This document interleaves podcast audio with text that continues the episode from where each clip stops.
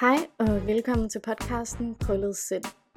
Mit navn er Trine, og jeg har skabt den her podcast i håbet om at hjælpe andre personer med krøllet sind, ligesom mit eget. Og det vil jeg rigtig gerne gøre, i det jeg gerne vil sætte fokus på de udfordringer, vi kan have. Og det skal ske igennem den her information og dialog og den viden, som podcasten vil give. Og det vil jeg rigtig gerne gøre, uden at det skal blive en form for undskyldning eller en stigmatisering af sindslidelser. Velkommen til.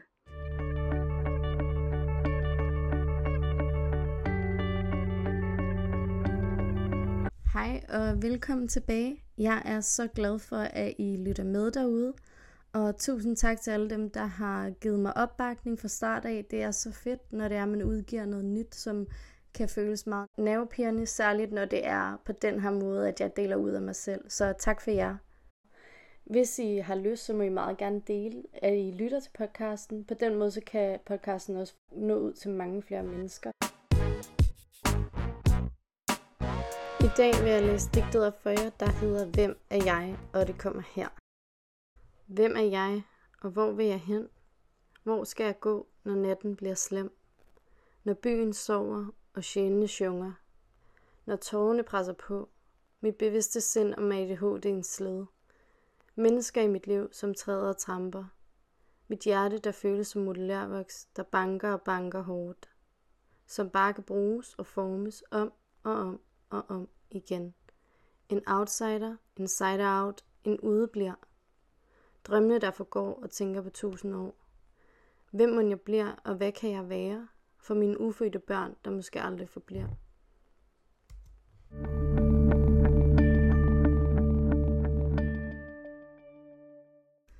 Digtet I hører her, det er jo en smule dystert i slutningen, det stiller jo spørgsmålstegn ved hele den her tanke om, hvorvidt man skal have børn eller ej, når man selv får en diagnose.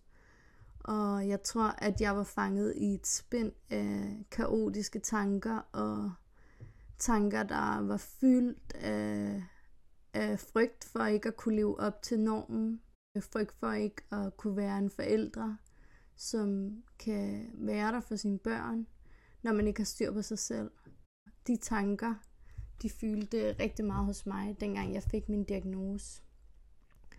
Og det gjorde de særligt, fordi at man jo får et stempel, og man bliver bevidst om, at man er anderledes. Samtidig så falder der en masse brikker på plads, som er utrolig lettende. Men efterpå, så går man også igennem, eller jeg gjorde i hvert fald, gik igennem nogle meget, meget ubehagelige tanker omkring min egen person, øh, fordi jeg frygtede rigtig meget, hvem jeg nu var. I det, jeg altid har, har følt mig lidt anderledes, og altid tænkt, hvorfor fanden er jeg så doven? Hvorfor er jeg så tjusket? Hvorfor kan jeg aldrig komme til tiden? Hvorfor kan jeg ikke høre efter, når mine veninder fortæller mig noget, der er vigtigt? Hvorfor skal jeg hele tiden kigge på en eller anden kat eller en bil, der kommer kørende? Og hvorfor er det, jeg ikke bare kan holde min mund, når jeg godt ved, at det, jeg snart kommer til at sige, det vil måske skabe en konflikt? Og alt det, det er jo selvfølgelig også en del af at have ADHD, så selvfølgelig kan jeg ikke de ting på samme måde, som andre kan. Jeg kan arbejde med det, jeg kan blive bedre til det, men jeg vil altid have svært ved det. Og det tog mig enormt lang tid at forstå, at det bare er sådan, at det er en del af mig, og det er også en del af mig, som jeg bliver nødt til at acceptere, for at jeg kan være glad, og jeg kan have et godt liv. Men det har taget enormt lang tid, og det tænker jeg også, at der er mange andre, der har oplevet, efter at de fik en diagnose, og efter at de var hele det her forløb igennem, hvor man skal til at acceptere sig selv på ny, og man også skal til at lære sig selv at kende på ny. Hvis man skal prøve at forklare det til folk, som ikke har prøvet det, jamen så føles det lidt ligesom at lære at køre på cykel på en måde, og pludselig så finder du ud af, at du har kørt på din cykel i mange, mange år på en helt mærkelig måde, som har gjort, at du altid er væltet, og din dæk har altid føltes halvflade. Men du finder faktisk ud af, at øh, din cykel, den kan bare ikke blive pumpet lige så meget, som alle andres dæk kan. Øhm, og så skal du faktisk til at lære at køre din cykel i et lavere tempo, øhm, hvor at det passer til den hastighed, du bliver nødt til at køre cyklen i, sådan så du ikke konstant punkterer eller vælter på vejen.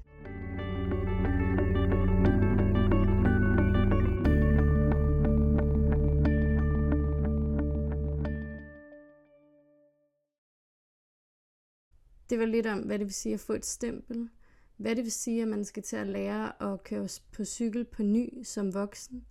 Og hvilke tanker, der kan opstå inde i ens hoved, når det er, at man får at vide, at man ikke er den, man troede, man var. Og grunden til, at jeg vil dele det med jer, det er jo igen for at sætte fokus på, at det at få en diagnose ikke altid er en drøm. Det er ikke altid fantastisk, og der følger rigtig, rigtig mange følelser med, som kan være rigtig svære at håndtere, og som kan skabe nogle meget dystre tanker om en selv. Efter at, efter at jeg fandt ud af, at jeg havde ADHD, så søgte jeg rigtig meget selvhjælp, og det gør jeg ved at lytte til en masse forskellige podcasts. Ligesom det, jeg selv er i gang med at lave. Jeg har lyttet til Diagnosen, jeg har lyttet til Life on Speed, Særklassen, som omhandler andre unge mennesker, som også lever med en diagnose. Og så læste jeg også en del bøger og hørte noget lydbog, blandt andet fra Dygtig pige til udbrændt kvinde. Hørte overhovedet efter med Manu Seren. Og det ledte mig til at læse bogen, der hedder Kvinder med ADHD.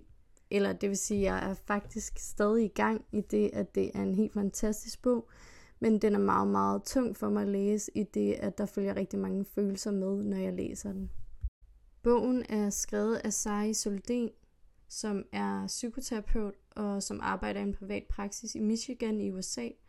Og hun har arbejdet med voksne med ADHD siden 1980. I bogen der støtter jeg på en historie, der hedder Den skjulte skat. Og den kunne jeg rigtig godt tænke mig at læse op for jer, fordi at den gjorde, at, øh, at jeg fik noget håb, og den gjorde, at jeg lige pludselig kunne identificere mig med, at der også var nogle andre derude, der havde den samme følelse, som jeg havde, og som også gik og søgte den her skat, man var klar over, man havde, men som var blevet væk for lang tid siden. Historien om den skjulte skat. Millioner af mennesker har denne neurobiologiske lidelse. Når den ikke er diagnostiseret, kan den være ødelæggende og invaliderende, og lige så stille frarøve disse mennesker deres drømme, deres håb og deres selvværd. De bruger deres liv på at prøve at løse en gåde. Forklaringen på deres livs mysterium må gemme sig derude et sted, lige forbi det næste sving på vejen. De husker, at de har set et glimt af noget. Noget helt specielt, som de engang følte eller så for sig, før alting blev for overvældende, og de kom til at føle sig fanget og fortabt. Nu vandrer de rundt i en skov uden mål, og med og leder efter spor ud fra et gammelt skattekort. De ved, at skatten er der et eller andet sted. Men måske er den begravet dybt under jorden eller låst inde bag porten på en fæstning. Disse mennesker besidder en utrolig vedholdenhed, og de er fast besluttet på at fortsætte, selvom de ofte bærer en tung byrde på skuldrene. Mindet om den helt specielle følelse, den viden, de har aller inderst inden, om at de har noget vigtigt, noget værdifuldt at gøre, at skabe, at bidrage med, for dem til at blive ved med at søge. De fortsætter, selvom erindringen og troen bliver sværere for hvert år, der går, og modløsheden begynder at stadig håbet. Håbet om, at de nogensinde vil finde skatten, eller bare komme ud af skoven og tilbage på vejen. Alligevel traver de videre med et solidt greb om det gamle, krøllede og falmede kort, mens de holder fast i håbet om, at de vil finde den skjulte skat og generobre deres efterladte håb og tabte drømme. Hver gang jeg læser den her historie, så bliver jeg meget rørt. Og jeg tror, det er første gang, jeg har læst den højt, eller i hvert fald læst den for mig selv uden at græde.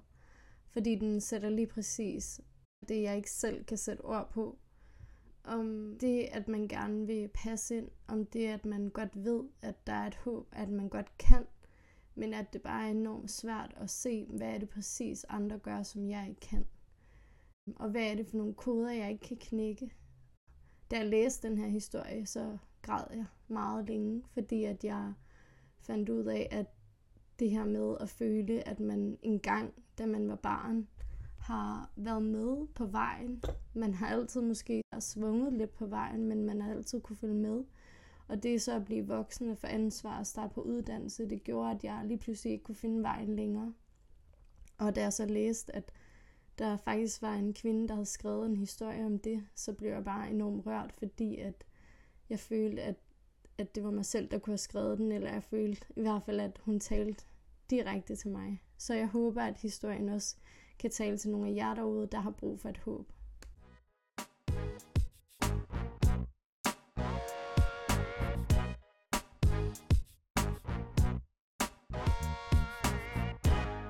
Det var alt, jeg havde til i dag i afsnit 2. Jeg håber, at I vil give podcasten stjerner, hvis I lytter med. Og husk, at jeg stadig har en podcast brevkasse, I kan skrive til, som er linket nede i podcastteksten. Og der vil der også stå selve digtet, så I kan følge med, når det bliver læst højt.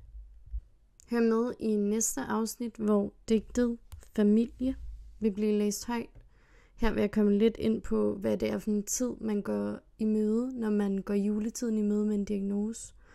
Og hvordan jeg oplevede det min første jul på medicin og med en opdaget diagnose.